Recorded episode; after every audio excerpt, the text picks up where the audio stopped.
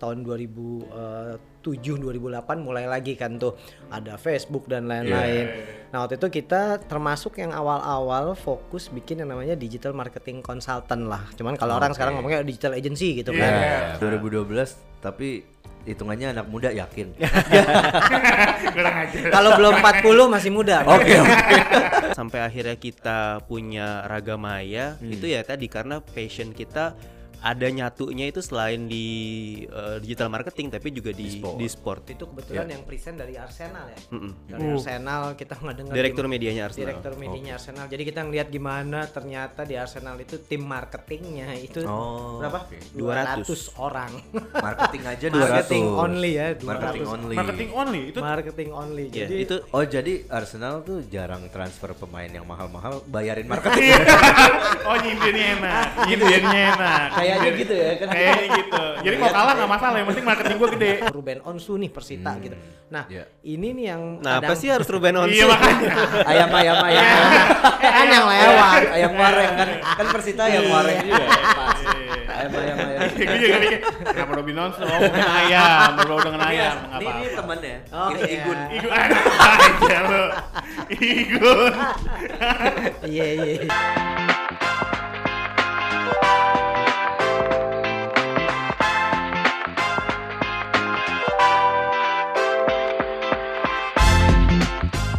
Balik lagi bersama Median Tai Ismail dan juga Adrian Guzali. di Persi Talks. Persita Talk. Ih, eh kemarin Persita ada apa tuh? Kayaknya masuk majalah ya? Masa sih? Oh, Iya, gitu. kan mu- muka, muka lu ada, muka lu ada. Oh, gitu. Ada, muka lu gue ada ngeliat. ada gua, ada Yeta, Yeta, ada Pareza juga. Pareza masuk. Ya ini info buat eh, Persita listener semua. Kemarin di majalah marketing Persita sempat eh, masuk dan menang awardnya nih. Men. Menang, bukan, Menang, ma- bukan oh. cuma masuk. Oke. Menang. Kan kita be humble Kan dulu. kan gue yang beli majalahnya. Gitu Gitu ya? lihat di depan, wih Buketi nih.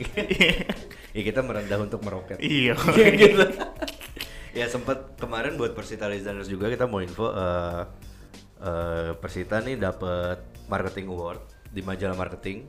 Eh, gelarnya itu the best in marketing campaign dan the Wow. best in social marketing. Ya. The best apa Applause tadi? dulu. The best in marketing campaign sama the best in social marketing. Iya, itu Jadi di- itu kita berlaganya, maksudnya kita eh, compete-nya sama brand-brand lain nih, Matt. Hmm. Dan kita salah satu eh, maksudnya pertama kalinya juga Hmm. eh, brand sepak bola yang menang dan masuk. gitu. Yes, itu Pak Riza bilangnya ini uh, kita istilahnya klub bola pertama yang bisa masuk Ya, dalam situ ya. ini baik lagi achievement sendiri buat Yes. Persita dan di si eh, buat sejarah juga buat Yep. Persita gitu. loh. Nah, berarti itu kita bisa ngambil bahwa marketing itu adalah suatu hal yang penting di dalam Banget, semua bisnis. penting banget. Even di dalam Penting bola banget. pun gitu loh. Iya penting banget. Kayaknya sem- semua hal tuh perlu marketing sih menurut. gue. Perlu, makanya even itu even gimana gimana lu nge-branding diri lu itu perlu marketing Iya, ngerti nggak sih? personal branding. Iya, Iya, personal iya. branding. gue dulu kuliah nih diajarin Yep. udah marketing marketing marketing disuapin marketing gue 6 tahun siap disuapin marketing tuh Iya, sampai kenyang ya. sampai kenyang Bisa gede gua. gini.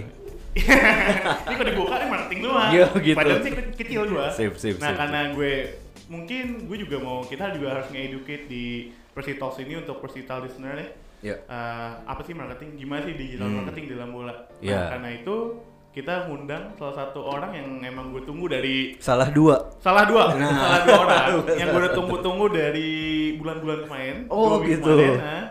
Eh, Padat jadwalnya kayak kayak kayak Bang Bes kemarin. Kayak ya. Bang Bes, Sebulan yang lalu Sebulan ya. yang lalu kita udah uh, gue udah kontak-kontakan dan gue seneng banget nih Hmm, dari Akhirnya bisa datang ya. tahun langsung dari dua orang dari Raga Maya. Siap. Hmm. Nah ada Pak Kuku dan ada Pak Yoga. Iya. Halo. Welcome Mas Kuku sama Mas Yoga di Persitalks ya. Siap. Thank you. Thank you banget loh, udah. Janjiannya susah ya. Akhirnya dapat. Akhirnya kita. Akhirnya. Ya, seneng banget, excited banget nih. Dan, nih. dan ternyata dekat banget dari Iya. sini ya. Dan kebetulan banget Pak pas eh, Pak Kuku datang nih, eh, Pak Yoga datang, kan kita mau bahas istilah marketing dalam sepak bola kan. Iya. Kita masuk award kemarin. Iya, masuk iya, award. pas iya, banget Kayaknya iya, iya. kita emang nungguin itu dulu ya. Oh gitu. Tahu timingnya gitu. Tahu. Oh jangan-jangan janjian kali. Biar konteksnya masuk gitu. Nah, benar benar. Ya kebetulan banget lah kita kemarin. Siap ya. Congrats ya buat Iya, thank Iya, you. selamat thank you, banget nih. thank you. Ada muka dia di majalah. Iya iya iya. Gak usah diomong. Udah, udah dibingkai belum? Waduh. Tapi udah dibingkai. Nggak bingkai apa sih? eh, Minimal lu save. Di pia- lah. piagamin. Iya. kita kita dapat juga kok udah. Nah, waduh. kirim Pak Reza gitu. Emang dapat Pak Reza sombong, emang orangnya sombong Pak Reza tuh. nah mungkin eh, banyak kristal listener yang eh, belum kurang kenal sama Mas Kuku, Pak Hmm. Yoga. Ya. Mungkin kenalan dulu kali Mas ya. Iya. Mas Kuku Boleh, ini Mas kan Kuku. eh, di CV-nya tuh pas bu- buka-buka kan kirim CV sama Mas Kuku. Mas, Siap. Gue bingung nih Mas, dikirimin CV ini Met, lo baca aja. Iya astaga, gue bilang ini emang expert di bidang digital marketing Iya. gitu loh emang wah Iya. gue kerja apa apanya gue udah kuliah ya sampai S2 gak ada gunanya nih gue gue harus bisa gue harus kulik gitu loh dari situ dan mungkin bisa cerita sedikit latar belakangnya uh, Pak Kuku dan Pak Yoga sampai Ya. bisa memilih kenapa sih milih digital marketing gitu expertise-nya dan kenapa tertarik di dunia digital marketing gitu loh Oke. soalnya kan banyak banget bidang-bidang di luar sana ya Iya, Iya. siap.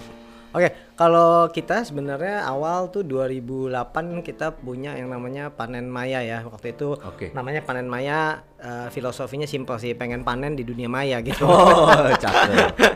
Oke. wow wow Jadi uh, tahun 2000 itu kan banyak .com booming lah ya. Iya. Kebetulan gua dulu Iya. mulai dari web design, Hmm. tapi waktu itu uh, apa uh, pasar .com ambrol lah ya sekitar tahun 2004 2005. Akhirnya sempat stop dari uh, di dunia digital, tapi tahun 2007 2008 mulai lagi kan tuh ada Facebook dan lain-lain. Nah waktu itu kita termasuk yang awal-awal fokus bikin yang namanya digital marketing consultant lah. Cuman kalau orang sekarang ngomongnya digital agency gitu Iya, kan. Iya, udah keren tuh anak Ya, anak-anak sekarang kan wah, semuanya pengen jadi digital RNC, agency.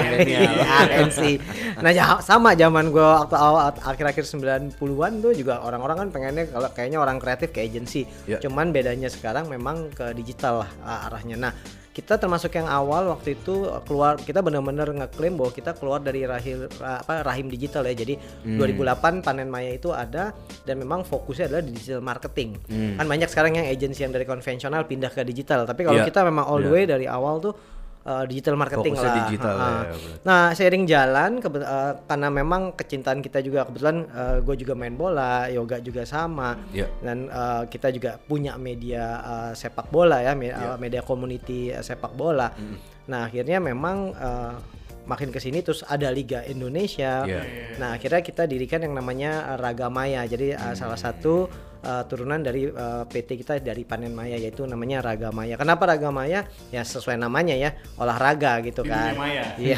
balik lagi kayak gitu mas ya kan Jadi emang kita akhirnya fokus untuk Raga PT Ragamaya sendiri uh, kita fokus untuk uh, digital marketing di sport, Oke. sport industri lah. Iya. oke Kebetulan memang kita yang uh, maka, waktu itu tahun 2017 yok ya kita kebetulan dipilih untuk pegang Liga Indonesia. Oke. Jadi untuk semua all digital Liga Indonesia dipegang sama kita dari tahun 2017 Sampai sekarang. sampai sekarang. Oke. Nah dari sana ya mulailah kita fokus ya olahraga ter- terbesar di Indonesia kan sepak bola ya. kan? Iya. Jadi memang sepak bola tapi kita juga megang beberapa uh, sport lainnya lah. Jadi Berarti ya, Ragamaya sendiri itu Ya. hmm, tahun berapa tuh, Mas? kalau Ragamaya tuh berdiri sekitar tahun 2016. Jadi Oh, waktu itu kita melihat oke. ceruk di mana fo- eh, apa kalau di digital kan semakin niche semakin bagus gitu ya. Iya. Jadi kalau digital marketing semuanya kita Iya, udah iya. ada di Panen Maya Group untuk all tapi untuk sport kita fokusin di Ragamaya Oh, gitu. iya, iya, Jadi iya, kita iya, bikin iya. PT namanya Ragamaya Indonesia. Iya, Oke. iya, iya.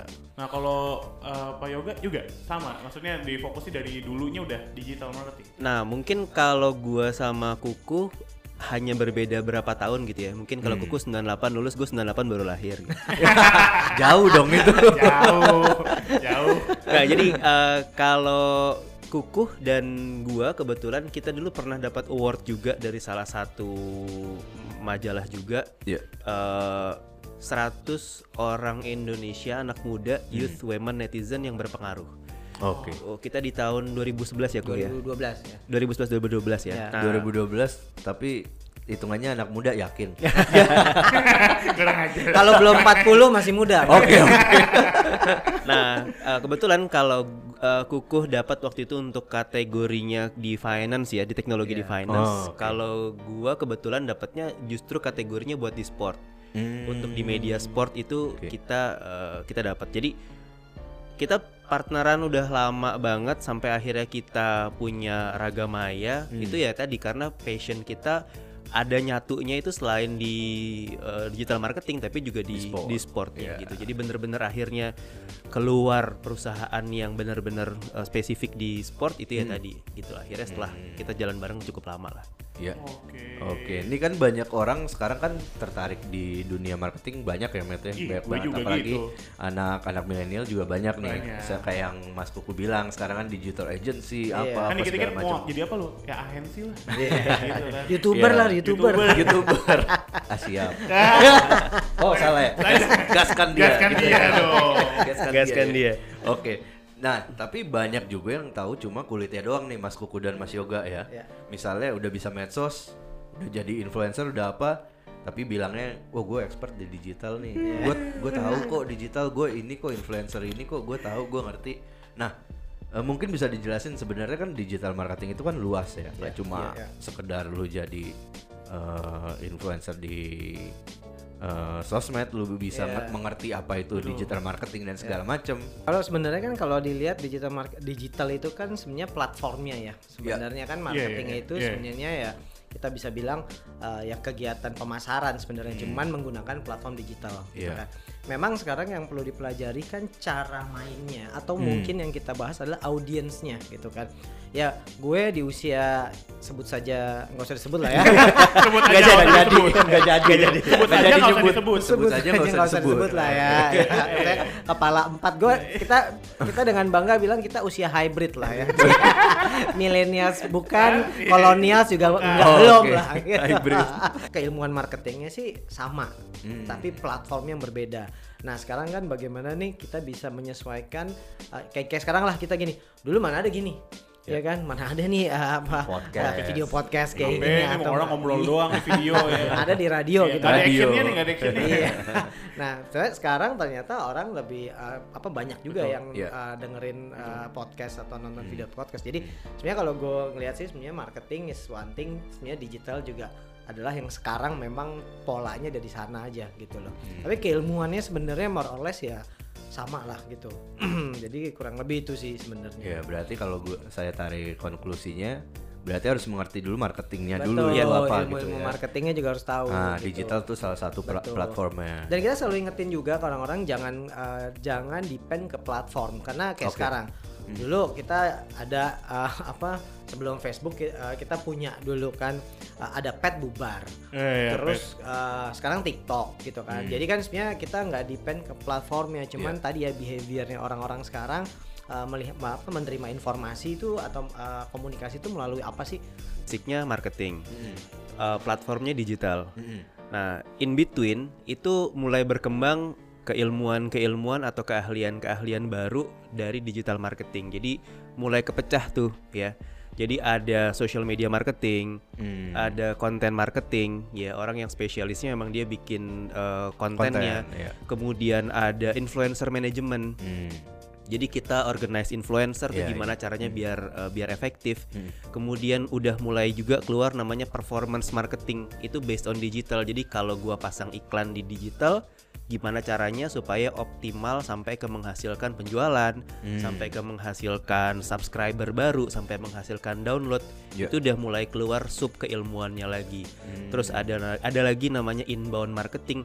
Jadi memang akhirnya ketika kita eh, pelajari ujung-ujungnya sama kok sebenarnya marketing. Hmm. Tapi karena platformnya digital itu berkembang cepat banget Iya. ya. Iya, betul. Eh, tadi Kukuh bilang eh, dulu ada Friendster ya, mungkin Iya. kalau lo sempet kejamanan Sempat kok, sempat kok. Friendster. ICQ, ICQ. ICQ.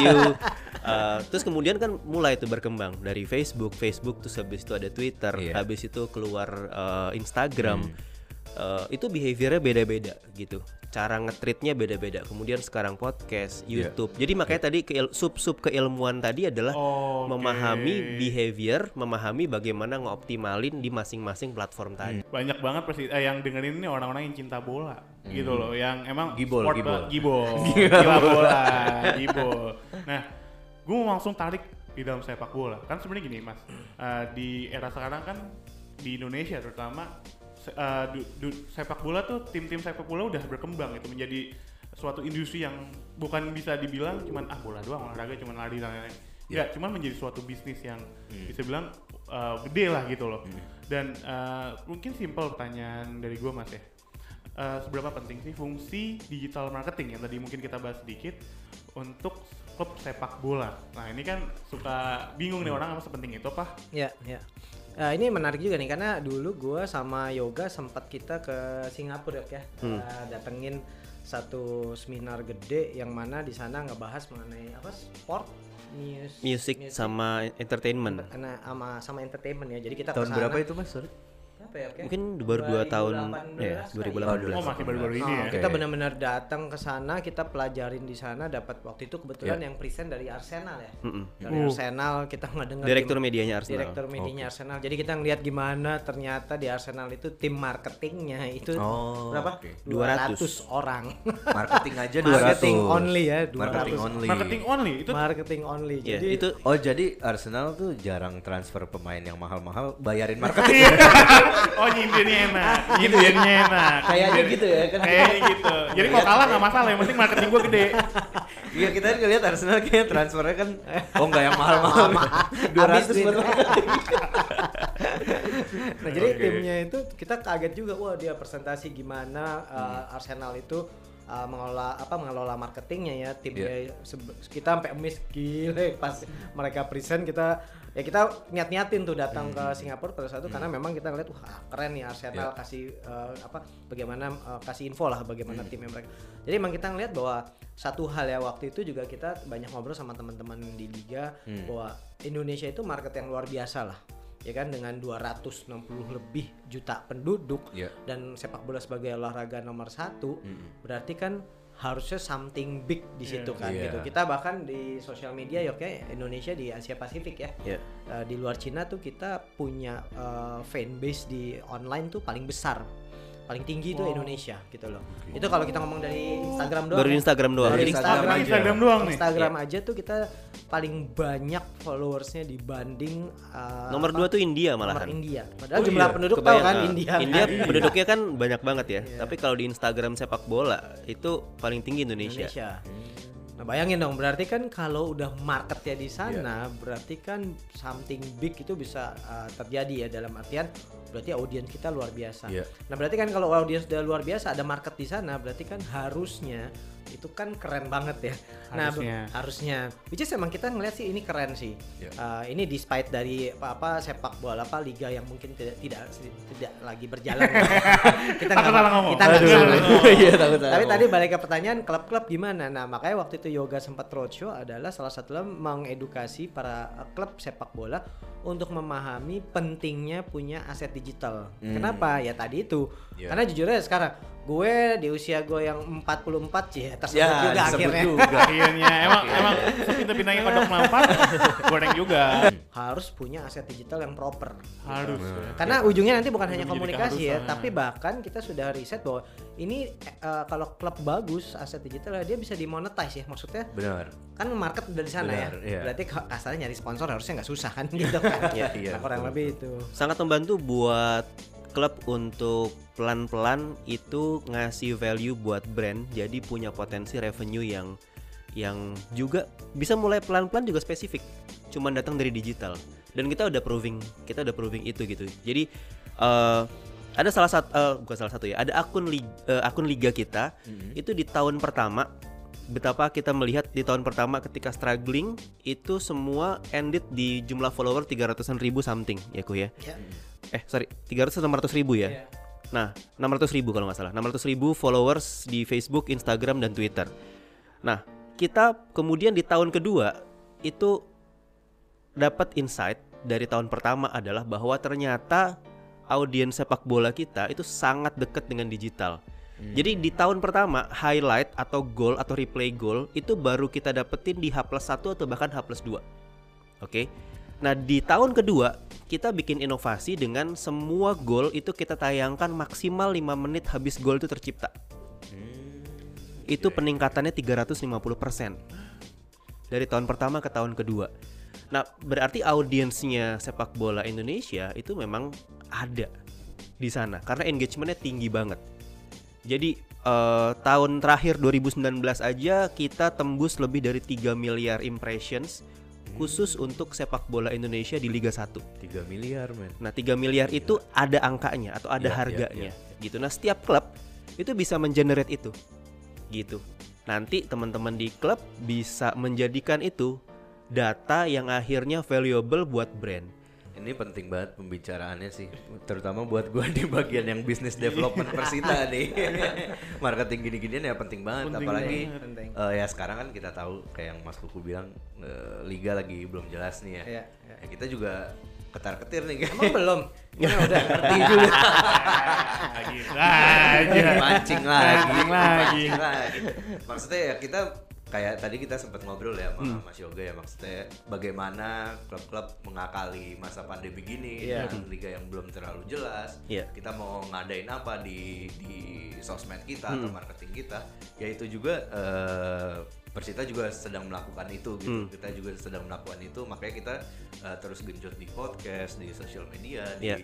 Instagram activity apa pun itu, tapi Iya. ya tetap kita eh, include sponsor Iya. juga di situ. Iya, iya. Nah, saya thankful juga karena eh, hari ini Mas Kuku Mas Yoga mau datang ya itu insight juga buat Siap. saya dan Persita gitu loh. Dan pastinya buat Persita listeners Iya gitu ya. tentunya Nah, pertanyaan selanjutnya nih Mas Kuku dan Mas Yoga. Ya. Kira-kira implementasi strategi strategi digital marketing yang tepat untuk klub sepak bola itu kayak gimana sih? Tentunya kan tiap tiap klub sepak bola punya identity masing-masing. Iya, iya, iya. Kayak Persita ya eh, identitinya dengan ungunya, obor, eh, benteng, segala macam dan klub lain ya Iya. nggak usah kita sebut lah maksudnya. kita tahu lah identitinya apa segala Iya. macam. Contohnya Persita ya. Ya. Eh, se- sebenarnya Persita pernah nggak sih membuat personifikasi dari klub itu sendiri ya. Jadi kan ketika kita masuk ke dunia digital, eh, kita juga harus punya personifikasi ya. Jadi nggak cuma warna warna ungu, Iya. tapi sebenarnya Persita ini kalau manusia dia tuh siapa sih? Hmm. gitu loh. Jadi apa pun yang terlibat di sana, entah itu dari sisi visual, cara Ya. bicara, nih kayak gini, host-hostnya nih sudah tersonifikasi dengan tepat belum, misalnya gitu kan. Iya. Karena ngelihat audiensnya dulu, karena Ya. kan eh, apa eh, kita ngomongin nih balik lagi kayak tadi di komunikasi adalah salah satu brandingnya kan. Hmm. Jadi misalnya, oh cara ngobrolnya kalau di, per- di Persita nih kita bisa santai nih, karena Persita adalah si A misalnya iya, gitu. iya, iya. Misalnya jadi eh, kadang memang klubnya sendiri juga misalnya kayak kita eh, program kayak gini ya kita yang penting ada gitu kan. Hmm. Tapi sebenarnya harusnya tarik mundur dulu cara personifikasinya gimana. Sehingga nih jangan sampai ini banyak hal yang banyak sering terjadi kan. Hmm. Adminnya ganti, cara bicaranya ganti. Itu dia Bener nggak? Karena Iya, apa? iya, iya. Karena karena tadi ada pakemnya gitu betul loh ya. tidak ada personifikasi eh, si klub ini nih di dunia digital nih gambaran yang sama bahwa siapakah yang mau kita tuju apakah mohon maaf nih kita sebut nama paling gampang kan men- eh, personifikasi misalnya artis ya Ya. kalau kalau laki ini nih Tora Sudiro misalnya Hmm. gitu jadi oh kan kita langsung kebayang oh, Tora Sudiro itu Ya, stylenya gede, begini tatoan, gitu kan ya macam. atau misalnya ini adalah misalnya salah satu artis oh, Ruben Onsu nih Persita Hmm. gitu nah Ya. ini nih yang Nah, apa kadang- sih harus Ruben Onsu? iya makanya ayam ayam ayam eh, kan yang lewat ayam wareng kan kan Persita ayam wareng juga pas Iya. ayam ayam ayam gue juga mikir kenapa Robin Onsu oh dengan ayam berbau dengan ayam ini ini apa-apa temennya Oh, ini iya. Igun Igun aja lo Igun iya iya iya benar. Nah jadi personifikasi ini yang eh, ketika kita memulai sebuah brand dalam hal ini kan kita ngomong Persita ya, Iya. itu yang harus ditetapin dulu sehingga nanti siapa pun yang ganti adminnya yang eh, adminnya ganti atau Iya. itu ya kita punya bahasa yang sama gitu loh. Jadi Hmm. apakah ngomongnya gue lu, Iya. kamu anda atau apa nih gitu. benar benar Kalau gue tambahin sebenarnya eh, kita di Panen Maya itu punya satu framework thinking yang Kuku bilang tadi itu implementasinya. Tapi biar gampang biar gampang untuk ngenalin framework kita namanya idea, idea. Oke. Jadi identify, Hmm. eh, develop, engage, analyze. Oh, oke Jadi itu proses yang nggak pernah berakhir. Hmm. Jadi yang kayak Kuku bilang tadi itu itu identify. Hmm. identify kemudian kita develop develop kita karakternya apa Iya. nanti kita mau kontennya gimana dan lain-lain itu itu tahap develop kemudian engage adalah saat kita mulai posting saat kita mulai bikin activation saat Iya, iya. kita berinteraksi dengan orang-orang di lapangan baik Iya. secara digital maupun Iya. nggak digital Iya. dan kemudian adalah analyze Hmm. analyze itu kalau kita bisa based on data itu enak banget jadi misalnya eh, teman-teman bikin podcast ini akhirnya mau ada brand kita akan nunjukin ke mereka bahwa oke kita sudah identifikasi bahwa teman-teman di uh, fans Persita itu sangat suka dengerin ini. Hmm. Dari mana ya datanya? Misalnya tarik data dari Spotify, Ya. tarik data dari Anchor gitu Iya. misalnya. Iya. Oke, segini banyak nih.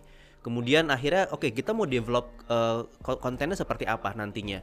Ada perletakan brand kah di sini atau mungkin kita akhirnya bicara tentang Iya. tentang si brandnya sendiri? Eh gue mau nambahin juga sih karena eh, misalkan yang tadi eh, Mas Yoga bilang be- eh, dan Mas Kuku bilang based on data ya Matt. ya. Yep.